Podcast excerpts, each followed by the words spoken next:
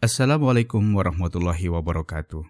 Rekan-rekan sekalian, dalam sebuah survei, 8 dari 10 manajer merasakan bahwa anggota timnya tidak kompeten.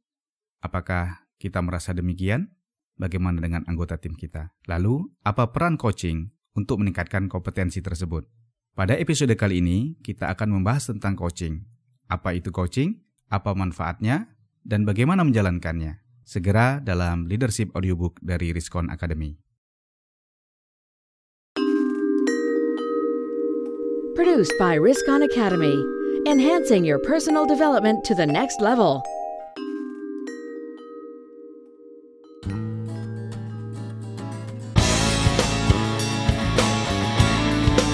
In today's business competition, leaders are the most critical factor that make the difference between lose or win, growing or dying.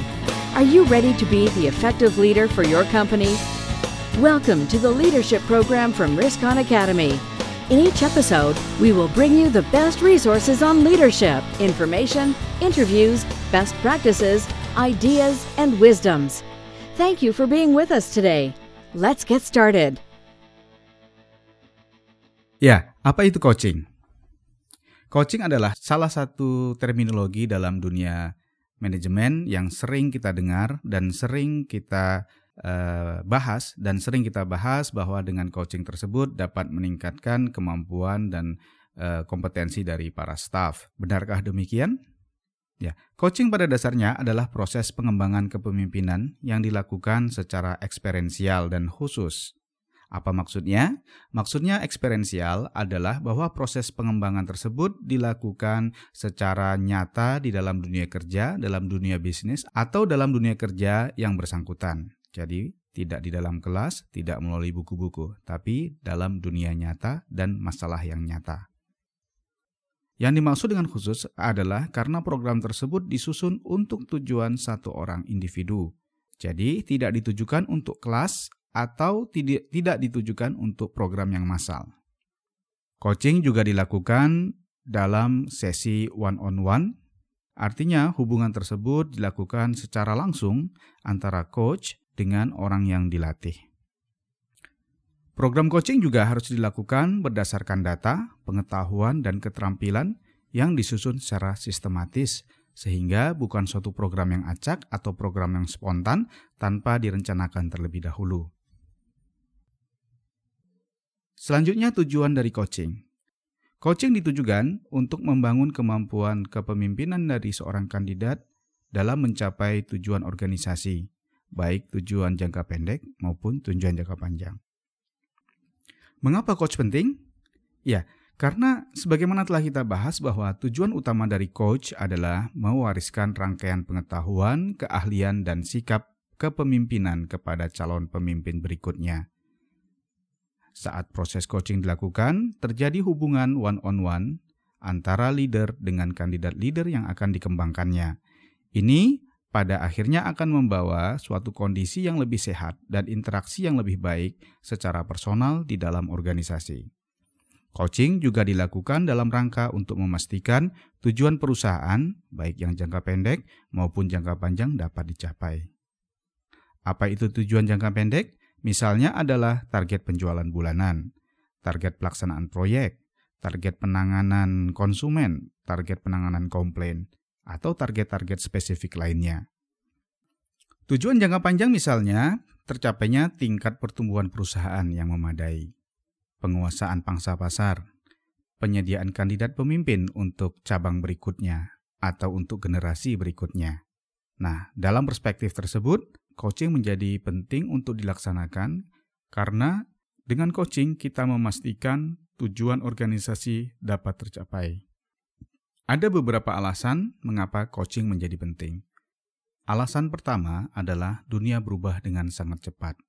Apalagi dalam dunia komunikasi digital saat ini, arus informasi, pengetahuan sudah tidak terbendung lagi, dan perubahan terjadi dengan sangat cepat.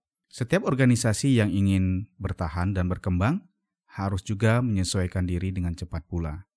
Penyesuaian ini dilakukan dengan melakukan peningkatan terhadap kemampuan dan keahlian para anggota organisasinya, menyebarkan suatu menyebarkan suatu rangkaian pengetahuan dan keahlian bagi seluruh anggota organisasi, dan bahkan meneruskannya kepada generasi kepemimpinan berikutnya.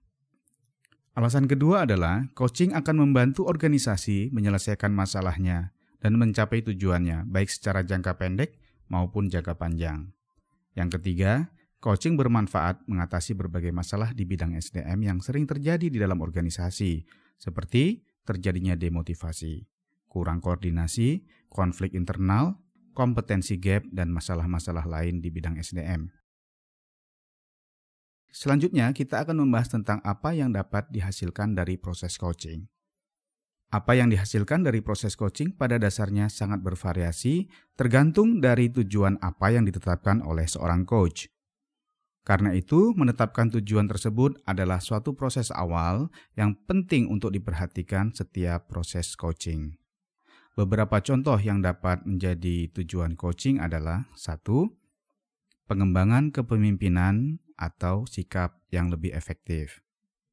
Kedua, peningkatan kemampuan manajemen menjadi yang lebih baik lagi. Ketiga, peningkatan kemampuan komunikasi. Yang keempat, mempercepat pengembangan diri. Contoh kelima, meningkatkan kemampuan men-setting prioritas dan melakukan time management. Keenam, meningkatkan kemampuan atau keterampilan menulis, presentasi, public speaking, atau melakukan networking dengan berbagai pihak. Contoh ketujuh, melakukan rencana pengembangan karir. Kedelapan, membangun kemampuan mengatasi krisis atau konflik. Dan kesembilan, membangun self-confidence. Nah, itulah beberapa contoh daftar yang dapat dijadikan sebagai uh, tujuan spesifik dari proses coaching yang kita laksanakan. Lalu mungkin ada pertanyaan, bagaimana cara kita melaksanakan coaching? Coaching berbeda dengan peran mentor, terapis, konsultan maupun trainer. Masing-masing memiliki peran yang berbeda dan cara yang berbeda pula.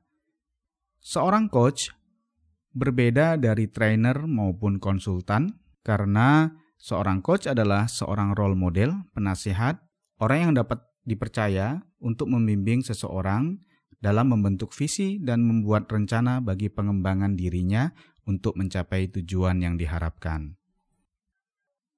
Inti pelaksanaan coaching ada dua, yaitu goal setting dan solution focus approach.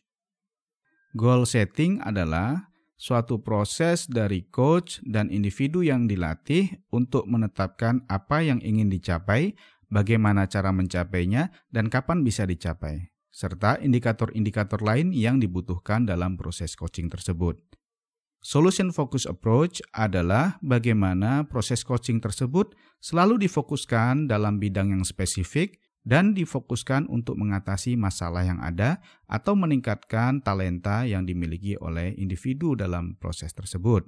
Beberapa langkah sederhana yang dapat dilakukan seorang coach untuk memulai proses adalah satu, Menetapkan tujuan spesifik. Dalam penetapan tujuan ini, kita harus menetapkan masalah apa yang paling ingin kita selesaikan, masalah apa yang paling ingin kita atasi dari dari individu dalam proses tersebut. Apakah terkait dengan kelemahannya untuk berkomunikasi, apakah terkait dengan kemampuannya mengatur waktu, atau terkait dengan kemampuan lainnya. Penetapan tujuan yang spesifik ini juga perlu mempertimbangkan bakat serta kekuatan individu yang bersangkutan. Yang kedua, tetapkan apa yang ingin diubah. Dari berbagai masalah tersebut, tentu kita harus memberi prioritas pada masalah yang paling penting untuk kita ubah atau kondisi yang paling penting untuk kita capai. Selaraskanlah tujuan coach tersebut dengan problem solving dari organisasi, yaitu bidang apa yang akan masuk dalam program coaching yang kemudian diharapkan dapat memperbaiki kondisi organisasi. Misalnya, bagaimana kita membuat program coaching terkait dengan kemampuan komunikasi seorang sales sehingga dapat berpengaruh pada tingkat penjualan. Contoh lain, bagaimana kita bisa melakukan program coach terhadap seorang staf di keuangan tentang peningkatan ketelitiannya dan ketekunannya untuk meningkatkan kualitas laporan keuangan kita dan tujuan-tujuan lainnya. Yang ketiga, tentukan bagaimana program coaching tersebut. Apakah kita melakukan pendampingan saat dia bekerja, atau kita memberikan suatu bahan materi untuk dipelajari olehnya, kemudian kita uji dalam pelaksanaannya, atau dengan cara-cara yang lain. Yang keempat, kita juga perlu menetapkan jangka waktu pencapaian target proses coaching tersebut. Apakah satu minggu, dua minggu, atau satu bulan? Tentu saja, target ini pun harus disesuaikan dengan target penyelesaian masalah organisasi yang kita hadapi. Hal kelima yang perlu dilakukan oleh seorang coach adalah melakukan pencatatan terhadap proses yang telah dilalui dan hasil yang didapatkan dari proses tersebut.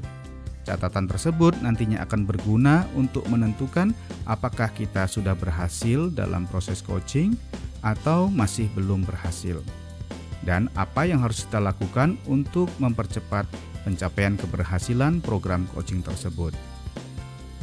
Demikian tadi beberapa tips terkait dengan program coaching. Semoga kita dapat melaksanakan program coaching tersebut di bidang organisasi kita masing-masing untuk meningkatkan kompetensi dari para staf yang kita miliki saat ini. Assalamualaikum warahmatullahi wabarakatuh.